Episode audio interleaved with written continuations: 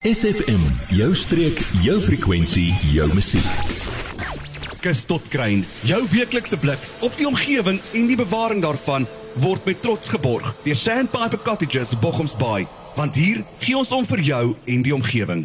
Goeiemôre, Fred Orban hier. Kus tot kruin ons weeklikse program oor die omgewing en die omgewing en die argeologie. Die argeologie ons uh tradisionele argeologie is maar baie nou verbonde met die uh met die omgewing. Ons het verlede week 'n bietjie gesels ook met uh professor Curtis Merriam van Arizona State University wat nou al vir 15 jaar lank uh navorsing doen hier op ons kus en hierdie deel van die kus van Suid-Afrika en van die wêreld is uh nou vasgestel dat dit die oudste getuie van uh die kognitiewe mens se oorsprong is. Dis nie die anatomiese mens maar die kognitiewe mens, dis die mens wat kan dink.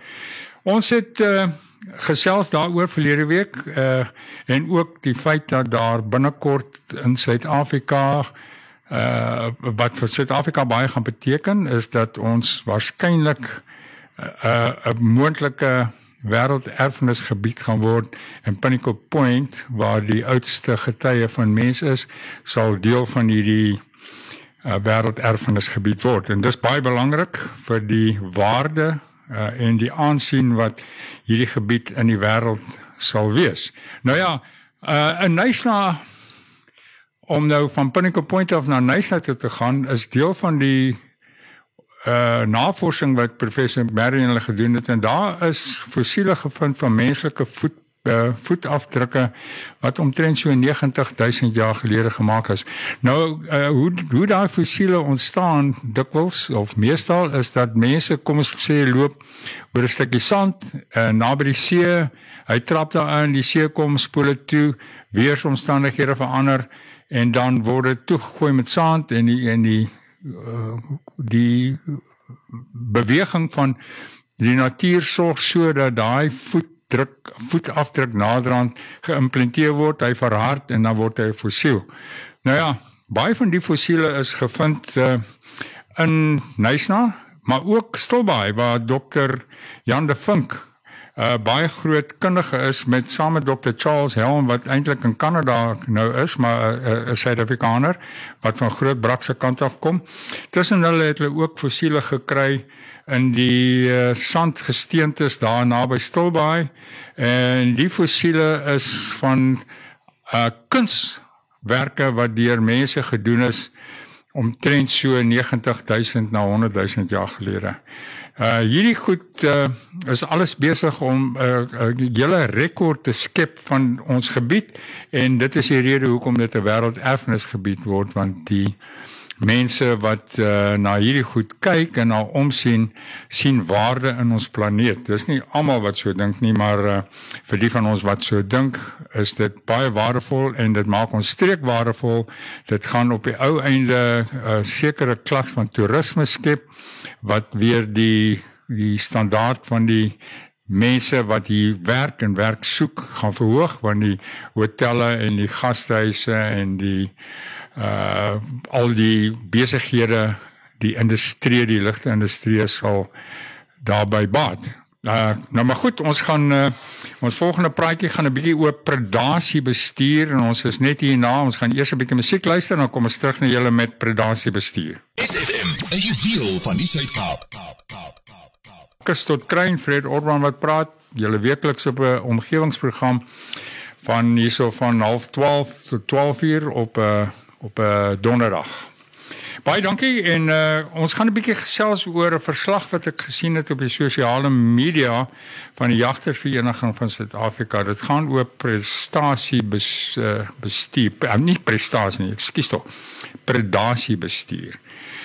Nou daar was 'n opname gemaak in uh, die Oos-Kaap deur die jagtersvereniging waar die luiperde en rooi katte uh, kwaliek geneem word vir die dood van al die skape en dat luiperde en, en rooi katte en jakkals en moet uitgeroei word voor die voet.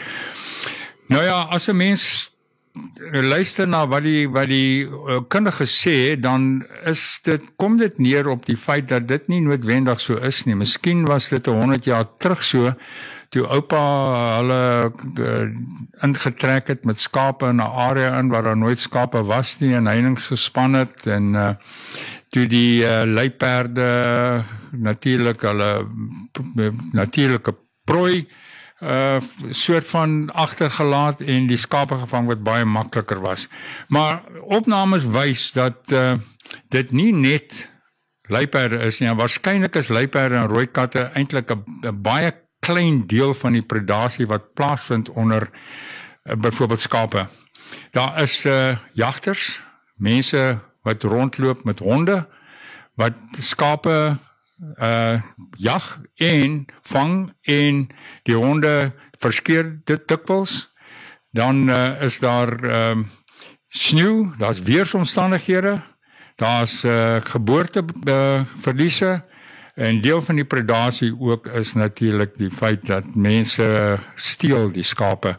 Want dikwels is boere se heininge ook nie wat dit moet wees nie. Die skape loop uit en buitekant en as 'n skaap buite alleen op 'n pad loop en 'n ou kom verby en hy's honger dan tel hy daai skaap op.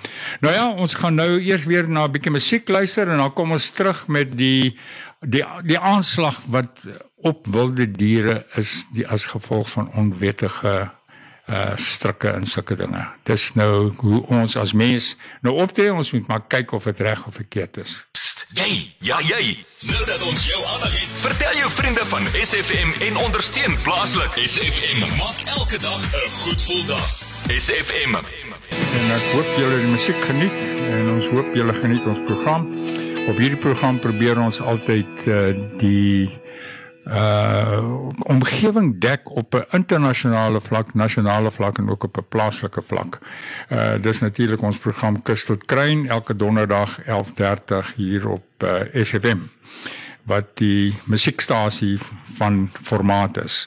Nou ja, ons uh praat van onwettige vangste uh, vanoggend ook. En onwettige vangste beteken vangste met slaghuisters. As 'n mens 'n slaghuister gestel het en jy het 'n luiperd of 'n jakkals of wat ook al is daar gevang en jy het gesien daai dier hoe hoe swaar hy kry en hoe en wat se pyn hy moet deurmaak as hy poot vas is en hy kan nie wegkom nie en hy verskeer homself. Dan sal 'n mens twee keer dink voordat jy dit weer doen want as 'n mens jouself vasvang in daai selfde slaghuister dan uh, sal jy ook maar nie ten gunste wees van slaghuisters nie. Nou hier in ons gebied het ons baie probleme soos ek op die sosiale media ook optel en omdat ons die mense self ken en baie nou betrokke is by die omgewing, vind ons uit dat hier by Midbrak veral in die oop gebiede daarso is daar baie tekens van slaghuisters van mense wat onwettig plante uithaal uh slaghuisers wat gestel word en dan kom maar bokkies daarin partykeer vang mense word mense se honde dan gevang of 'n kat word dan getrap en so aan. Al hierdie dinge lei tot die uh vernietiging en die om omkrap van die biodiversiteit van uh, van die natuur. Ons versteur die natuur deur as predatore op te tree in plaas van om predatore ook uh saam met ons te laat lewe sodat hulle ook uh, deel van die bestuur kan uitmaak. Maar ons het mense het besluit uh, predatore is gevaarlike diere. Ons haal hulle uit en dan uh, stel ons slagysters daarvoor en ook om bokkies te kry en ook ons honde te laat loslaat sodat want ons is nou honger en ons gaan nou uh, uh, ons honde loslaat. Ek sien hier by Dana Bay kort kort dan sien ek mense stap oor die straat met hulle honde na die gebied daar naby Dana Bay en dan weet 'n mens nou waarvoor daai uh honde daar is. Ons moet maar oplet daarvoor en ons hoop dat ons natuurlike mense en ook elke persoon uh, net sal oplet en as hulle sulke goed sien net kan rapporteer aan hulle naaste natuurbewaringsorganisasie.